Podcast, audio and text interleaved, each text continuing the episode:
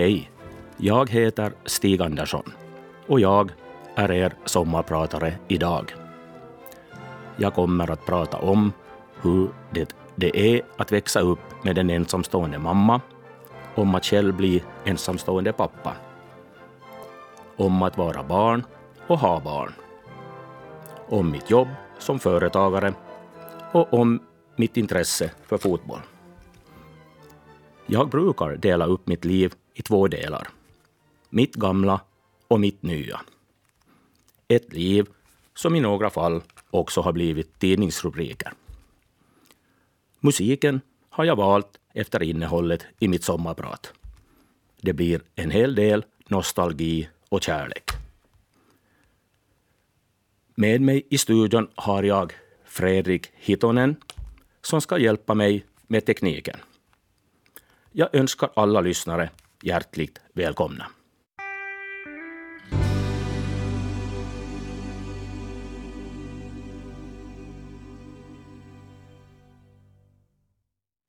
Jag föddes i Nagu 1955. Vi var tre syskon, tripp, trapp, trull. Vi föddes åren efter varandra. Först syster Gita, sen jag och till sist lillebror Torsten. Vi bodde idylliskt med farfar och farmor i huset bredvid. Min farfar, Sergej Andersson, vann förresten finska mästerskapet i tiokamp år 1916. Han blev då kallad Finlands idrottskung. De finskspråkiga var inte så nöjda när en svenskspråkig från skärgården vann mästerskapet och därtill blev kallad till årets idrottskung. Den 9 mars 1920 stod det på Åbyunderrättelser att min farfar var mannen som skall görat. Idrottskungen från Nagu, Sergej Andersson, lägger sig i träning inför OS i Antwerpen. Tyvärr stoppade sedan en skada hans medverkan i OS. Av honom och min far ärvde jag mitt stora idrottsintresse. Farfar hade förresten tolv syskon födda mellan åren 1883 och 1906. Och allas förnamn började med bokstaven S. Det hette i åldersordning Selim, Sven, Signhild, Set, Smärts, Sergej, Serix, Sigfrid, Sebastian, Svea, Signe och Sivert. Även jag, i senare generation, fick ett namn som började på S. Vi levde, som sagt, i en idyll. Men i mars 1958, när jag var två år och mina föräldrar just hade övertagit min fars hemgård i Gyttja, kraschade hela vår tillvaro.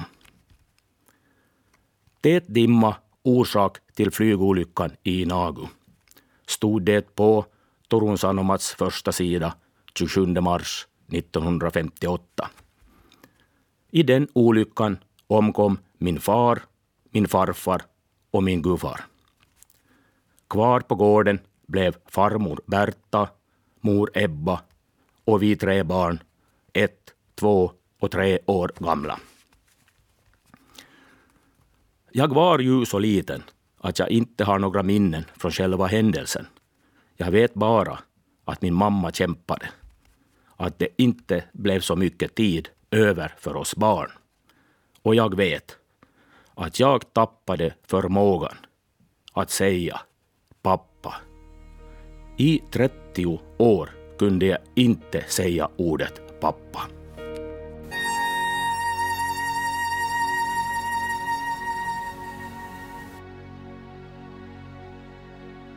Två år efter flygkraschen, efter att vår gård i Nagu hade förlorat nästan alla sina män, flyttade vi till min morfar, till mammas barndomshem i Gästerby, Kimito.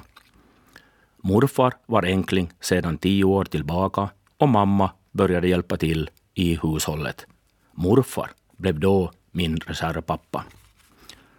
Gästerby gård var ett stort hus från 1700-talet med 24 rum och två våningar. Dessutom fanns det tre stora källarvalv från 1500-talet, likadana som på Åbo slott. Det berättades många spökhistorier om den gården. Bland annat att det begravt lik i stenfoten.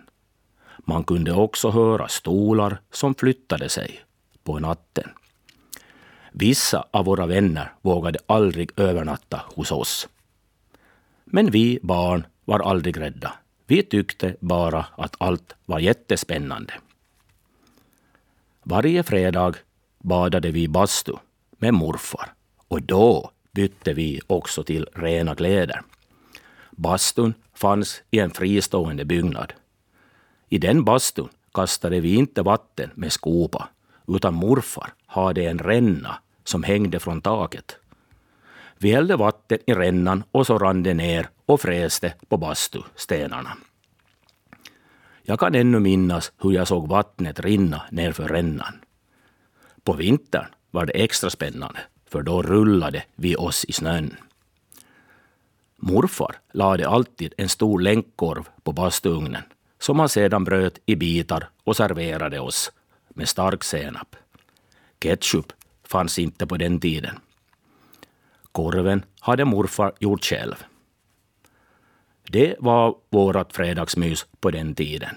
Bastubad, länkkorv och klädbyte. Istället för kylskåp hade vi en iskällare på gården. På vintern åkte vi med häst och släde med morfar till ett närbeläget träsk. Där sågade han upp stora isblock som han tog hem och satte i iskällaren som var isolerad med sågspån. Det var vårt kylskåp på 60-talet. Jag minns att jag fick en fotboll till julklapp. Då, i mitten på 60-talet, var den enormt värdefull. Min bästa julklapp någonsin. Jag skötte om min fotboll med största omsorg, tog in den på natten och höll den torr och ren. När någon av sömmarna sprack tog jag den till morfar som sydde och lagade den. Morfar hade också ett stort idrottsintresse och förstod att bollar skall vårdas. Varje dag spelade jag fotboll på gården framför vårt hus. Tyvärr hände det att fönstret gick sönder och till slut fick morfar nog. Jag fick vara med och se på hur man lagar ett fönster. Allt från hur man lyfter bort fönstret, skar till nytt glas till att kitta. Nästa gång du sparkar bollen i fönstret så skall du göra det vi gjorde idag, sa morfar. Jag fortsatte spela och sedan var olyckan framme igen. Då gjorde jag arbetet, dock under översyn av morfar. Jag var stolt när fönstret var på plats. Nu kunde jag någonting nytt.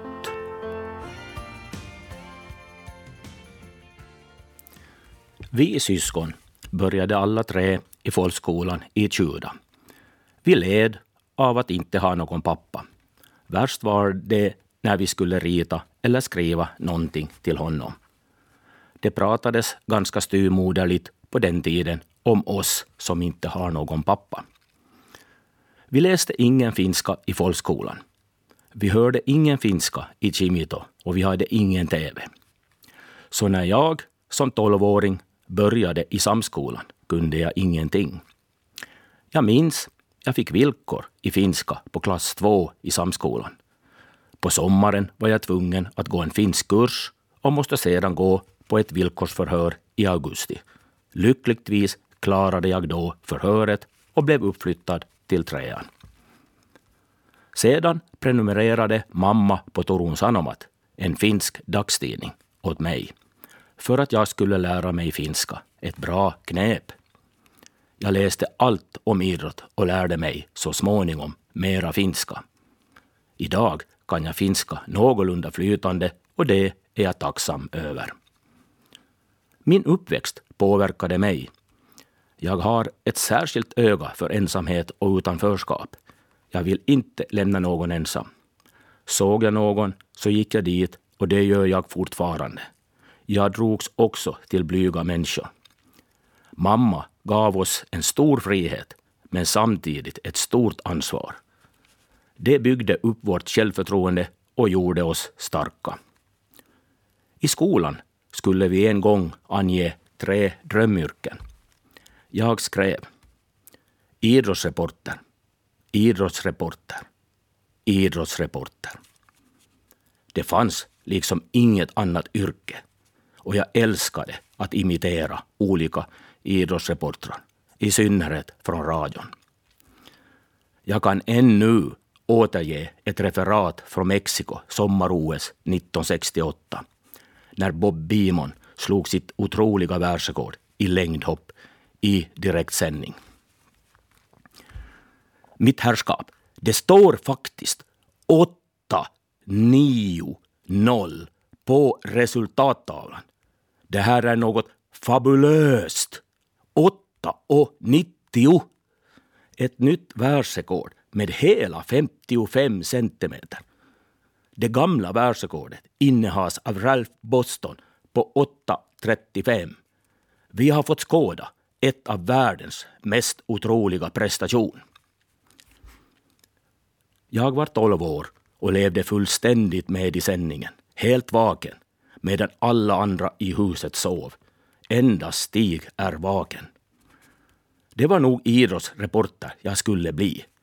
Men jag började med att söka till Handelsinstitutet i Åbo. Följande låt är odödlig. Jag drömmer mig tillbaka till ungdomen.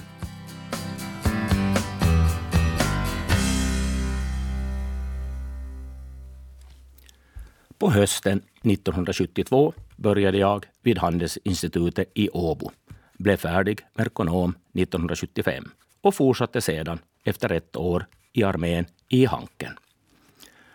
Redan efter en månad i Åbo var jag halvålänning. Läraren i finska ville till exempel dela upp vår klass i två grupper.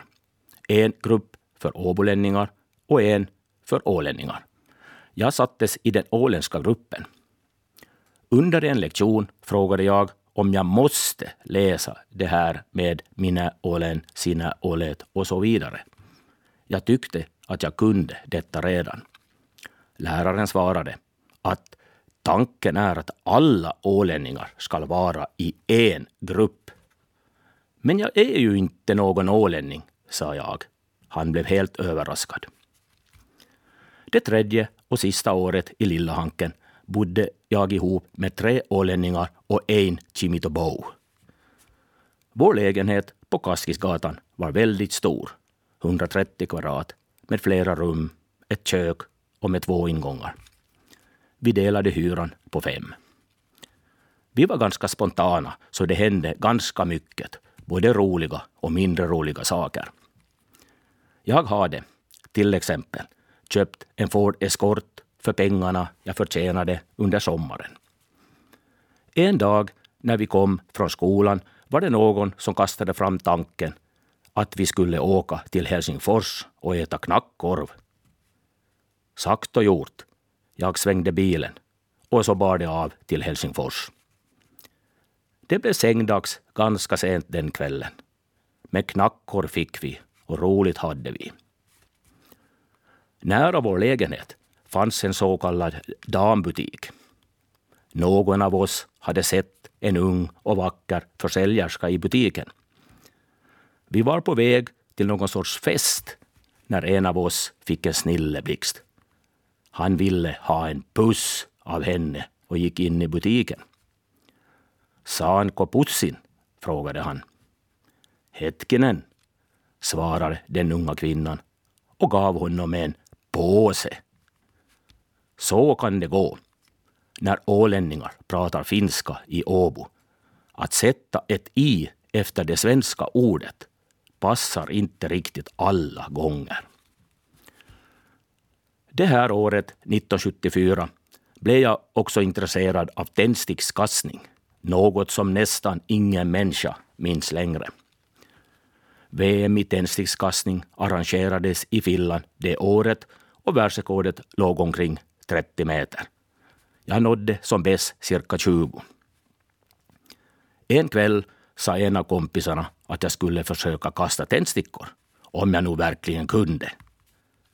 Och så öppnade han munnen och slöt ögonen. Okej, sa jag och kastade tändstickan i en fin båge på cirka fem meter, direkt i hans mun. Sedan var den saken slutdiskuterad.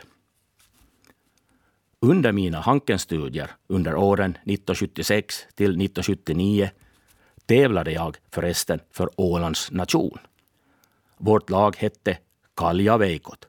Kalja med C och Veikot med dubbelt V. Jag vill minnas att Åland vann kårmästerskapet sammanlagt något år.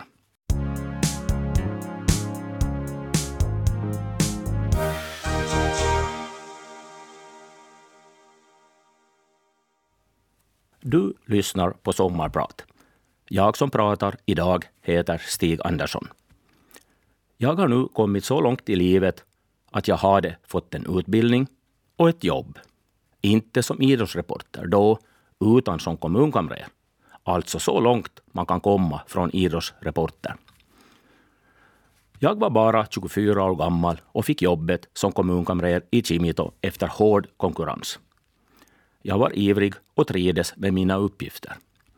Jag var ungkarl på den tiden och lade ner mycket tid och övertid på projektet att modernisera den ekonomiska rapporteringen, budget, bokslut, bokföring, löneräkning med mera. Vi övergick från mekaniskt och manuellt system till datasystem genom att anskaffa den första kontorsdatan till kommunkansliet. Arbetet var, som sagt, tidskrävande och jag var tvungen att jobba väldigt strukturerat och noggrant. Det tog månader för att få allt klart.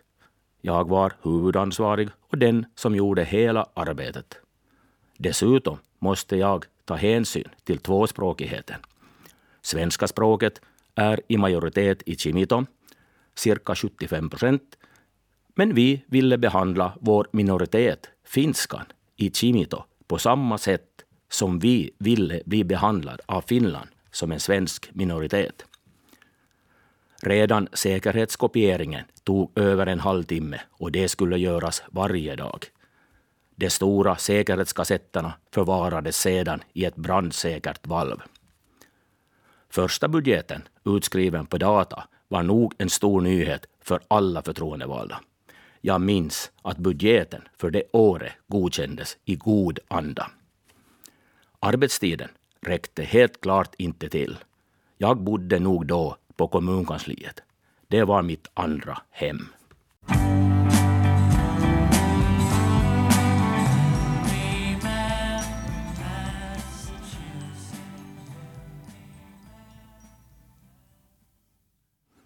Vet ni, ålänningar, att man också i Kimito har bondbröllop.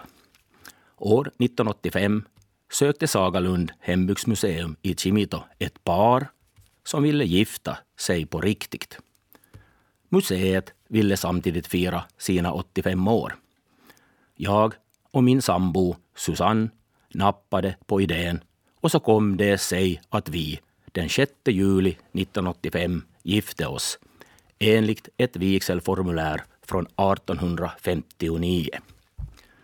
Jag bar en svart syrtut, blårutig väst och en svart cylinderhatt. Bruden hade på sig en myrtenkrona, krinolin och färgad klänning.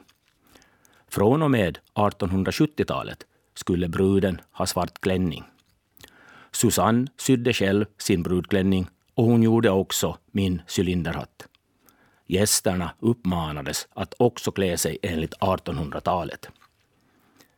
I spetsen för bröllopståget kom först två förridare, därefter spelmännens hästar och så vi i en hästdragen kärra, en stilriktig trilla.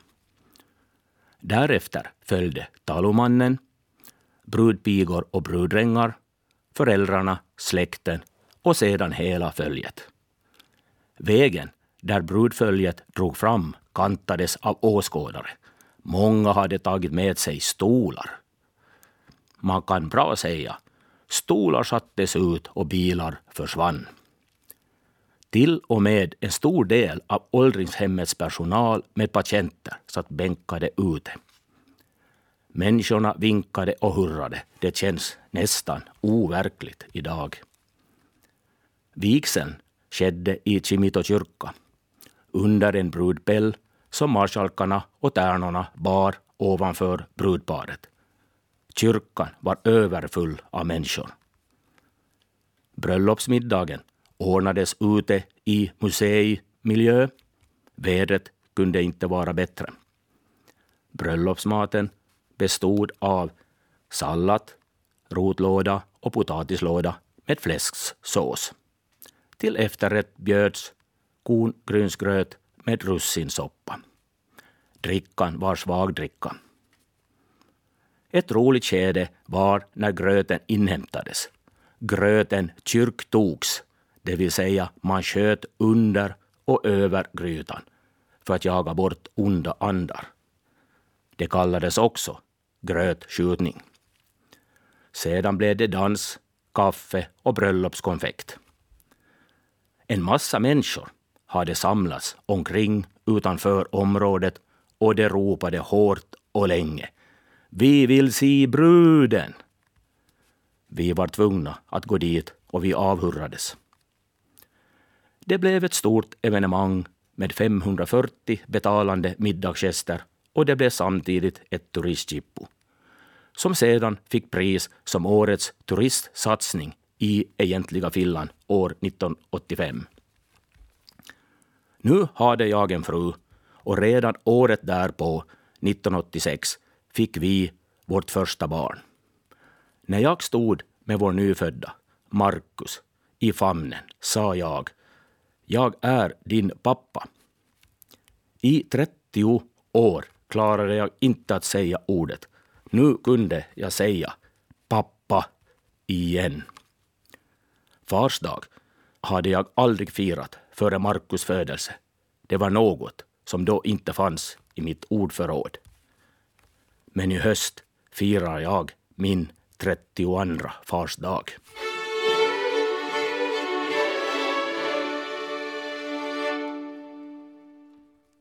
När jag hade jobbat fem år som kommunkamrer i Kimito tyckte jag det var dags att starta eget och Kimitoöns bokföringscentral AB grundades. Vi började med två anställda och år 1999 blev vi valda till Årets företagare i Kimito. När bolaget såldes år 2002 hade vi två kontor, ett i Kimito och ett i Dalsbruk med totalt åtta, nio anställda. Varför sålde jag då företaget? undrar ni säkert. Vi gifte oss som sagt 1985, samma år som företaget grundades. Och familjen växte. Markus föddes 1986, Irene 1990 och Samuel 1993. Två år efter minstingens födelse insjuknade min fru i cancer. I tre år kämpade vi. Det var tunga år. Så tunga att det inte går att beskriva. Jag skall istället berätta om ljuspunkter i allt det mörka. När min fru var så dålig att vi inte mera kunde sova bra på nätterna ringde jag en natt till prästen i Kimito. Prästen då var Björn Wikström, idag biskop, och han kom mitt i natten och gav min fru och mig nattvarden. Det var ett väldigt gripande ögonblick i mitt liv och min respekt för Björn är stor. Min fru dog en vecka senare. Och jag tog styrka av min mamma. Hade hon klarat av tre barn ensam, utan skyddsnät, pengar eller kuratorer, så skulle jag göra det. Jag som hade allt det där.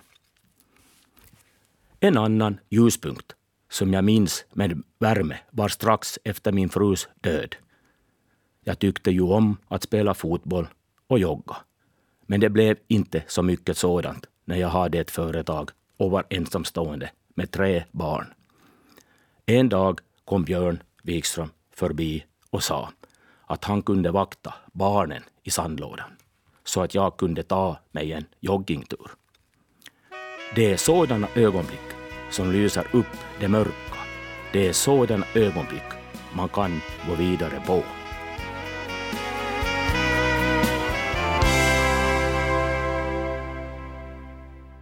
Ni lyssnar på Stig Andersson i Sommarprat och vi har nu kommit fram till år 2003. Jag var enkling med tre barn och hade tagit beslutet att sälja mitt företag och flytta till Åland. Jag skulle lämna mitt gamla liv och börja mitt nya. Sedan 1999 hade mitt hjärta klappat för åländska Monika. Det blev många turer till Åland, nästan varannan helg. Men nu, 2003, skulle vi äntligen flytta ihop. Jag brukar säga att jag tog barnen, bilen och kostymen och flyttade till Åland. Jag tänkte lite att mår pappa bra så mår också barnen bra. Monica hade tre barn. Jag hade tre barn.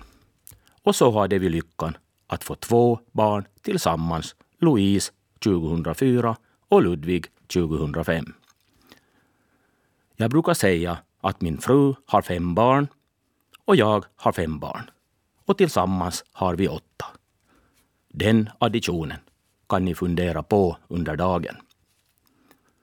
Vi reste mycket tillsammans med barnen.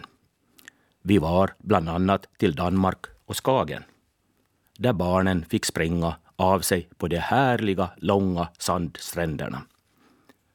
Vi var också till Öland och tältade med fyra tält och åtta sovpåsar. Man kan ju undra hur sjutton vi rymdes i bilen. Men finns det hjärterum så finns det kärterum. Men det var nog en annan historia det. Alla dessa resor är någonting som vi fortfarande i familjen kan sitta och prata och skratta tillsammans om. Det hände mycket under dessa resor.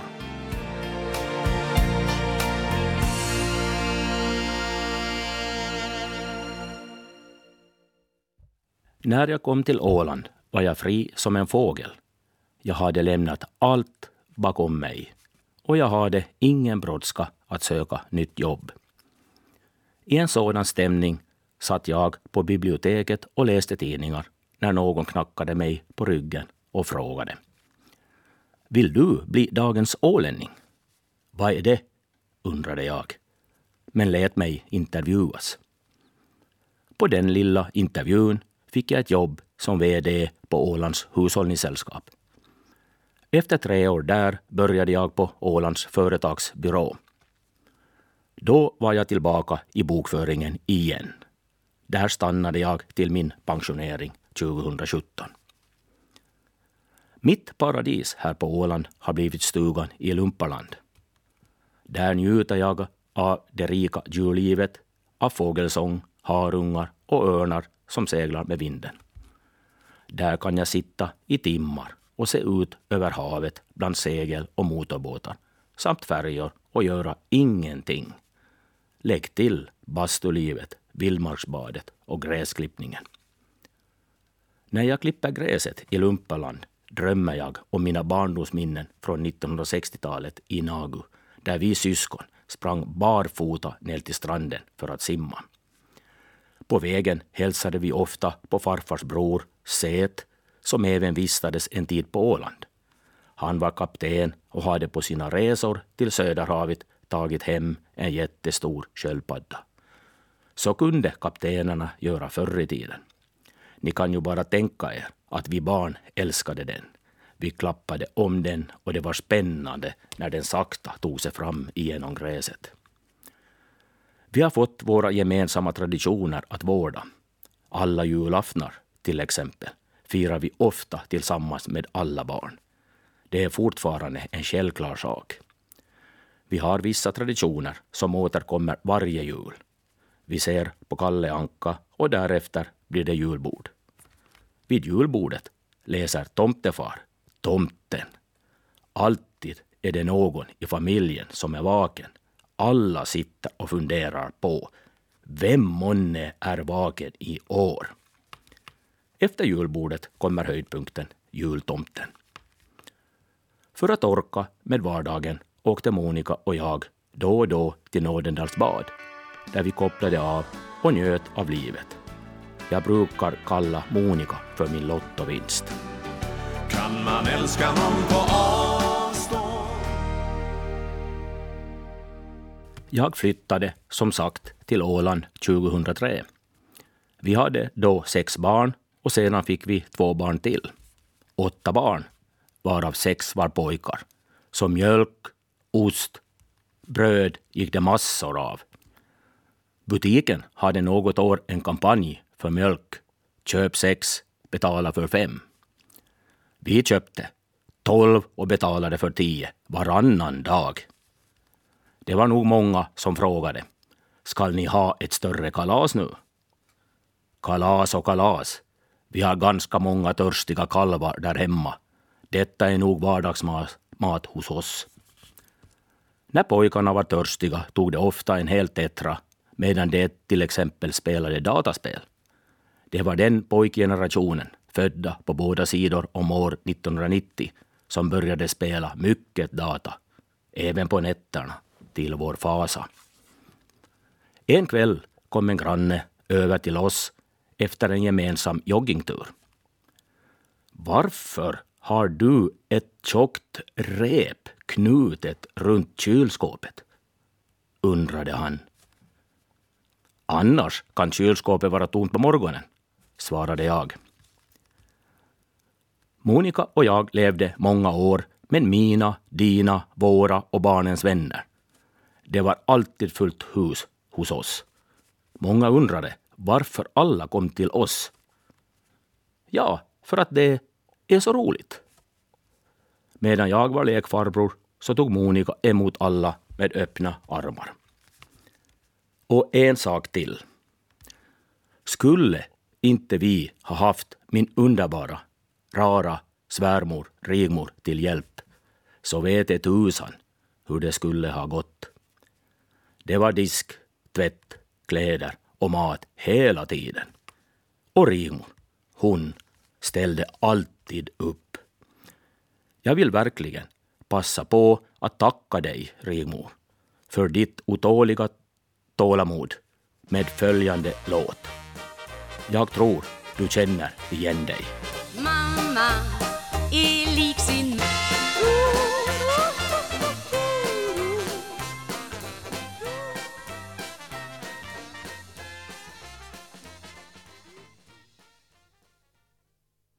I september 2010 kände jag att något inte var som det skulle med hjärtat. EKG-testen jag tidigare hade tagit visade inget alarmerande. Men jag krävde en belastningstest och i den testen upptäcktes att två av kranskärlen var tilltäppta. Jag skulle bli bypass-opererad i Uppsala.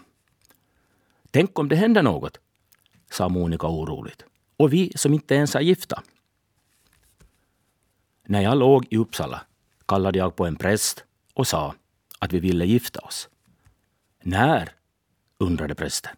I morgon, svarade jag.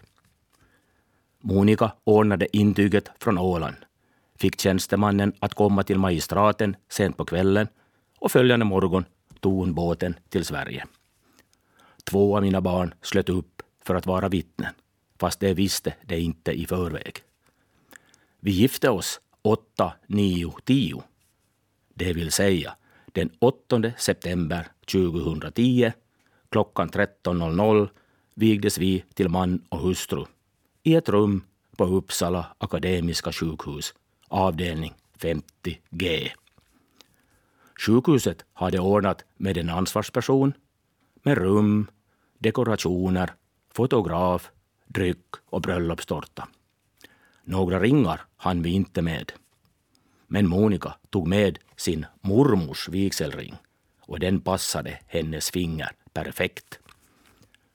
En medpatient, en lektor från Uppsala universitet, höll bröllopstalet. Vi hade då pratat med varandra och om våra liv i hela två dagar. Han tackade ja på min förfrågan och vilket fint bröllopstal han sedan hade. Flera av personalen stannade kvar den eftermiddagen. Senare fick jag höra att många hade önskat att de varit på jobb den dagen. Både patienter och personal gratulerade. Och jag blev från det ögonblicket kallad Mr Åland. Orsaken till mitt hjärtproblem var enligt kirurgen för mycket psykisk och fysisk stress i ditt liv just med hänvisning till vad jag hunnit gå igenom under min livstid. Operationen lyckades bra, igen enligt kirurgen, tack vare fyra faktorer. Att jag krävt belastningstest på OHS, att jag inte hade haft någon infarkt, att jag inte var rökare och att jag hade bra kondition.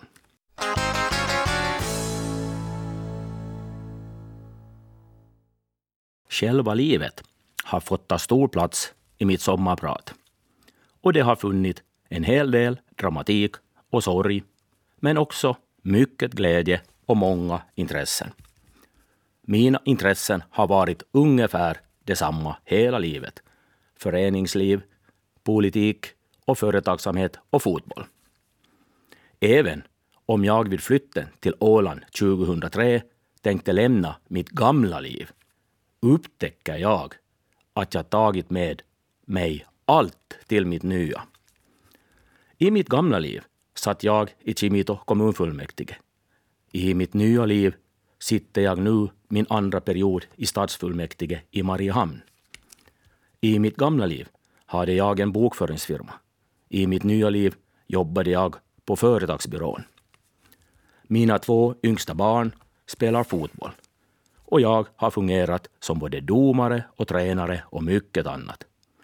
I mitt gamla liv var jag aktiv i KSF, Kimito sportförening, och i FC Boda. I mitt nya liv engagerar jag mig i IFK Mariehamn. Innan jag flyttade till Åland kunde man läsa följande i Nya Åland från den 23 augusti 1988. Trots storsegern var matchen en pers för tränaren Kai Lübeck. I alla fall första halvlek då Chimito, som ligger sist i fyran, ledde ända till 44 minuten.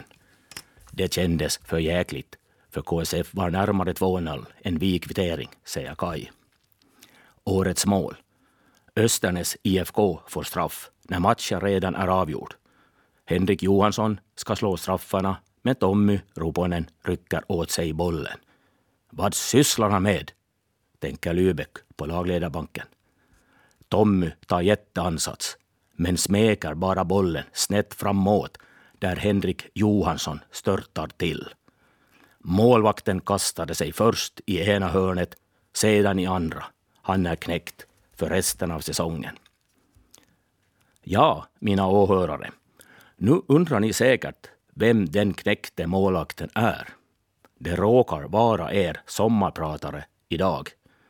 Enligt mig var det nog en stor bedrift att man som målvakt under en straffspark hinner med allt det jag gjorde. Först dykning till vänstra stolpen, resa sig och därefter dykning till den andra stolpen. Jag låg med andra ord i fel hörn när bollen sakta, sakta rullade in i mål där jag nyss hade legat. Lite retsamt kändes det nog. Det måste jag ärligen erkänna. Jag fick tidningen hemsänd av någon omtänksam och artig ålänning. När min fru insjuknade i cancer i mitten av 1990-talet hann jag inte delta på några fotbollsmatcher. Jag ville ändå spela. Fotbollen var en stor del av mitt liv. Jag bodde då i Kimito och årets sista seriematch var en hemmamatch och jag beslöt nu eller aldrig. När jag klev in i omklädningsrummet blev det en speciell tystnad. Jag hälsade De hälsade tillbaka, men ingen vågade säga någonting. Ni vet, atmosfären i ett omklädningsrum just före en match, den är lite speciell.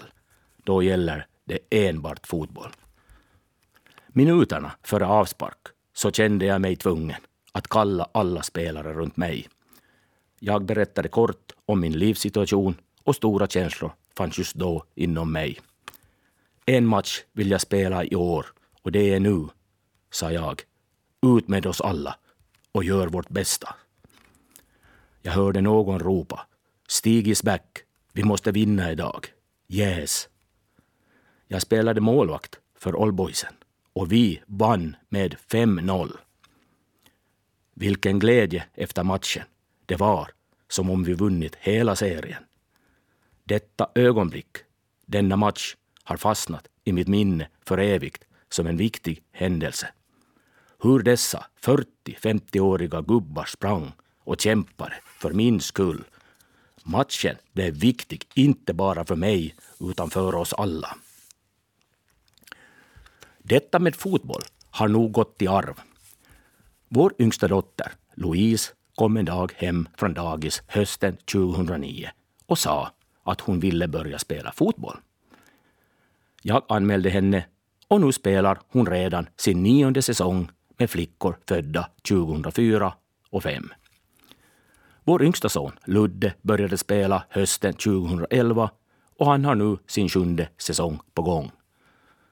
Jag har gett mycket av min fritid till barnens fotboll och istället har jag fått fina, härliga minnen. Hösten 2016 spelade vi föräldrar mot pojkarna. Jag var målvakt och det gick onekligen bra för mig. Jag höll nollan i första halvlek och jag räddade en straffspark. Fotografiet av straffsparken, räddningen, kom direkt på Facebook. Se Stigs fantomräddning. Vi föräldrar ledde med 1-0 i halvlek. Och i pausen kom pojkarnas order.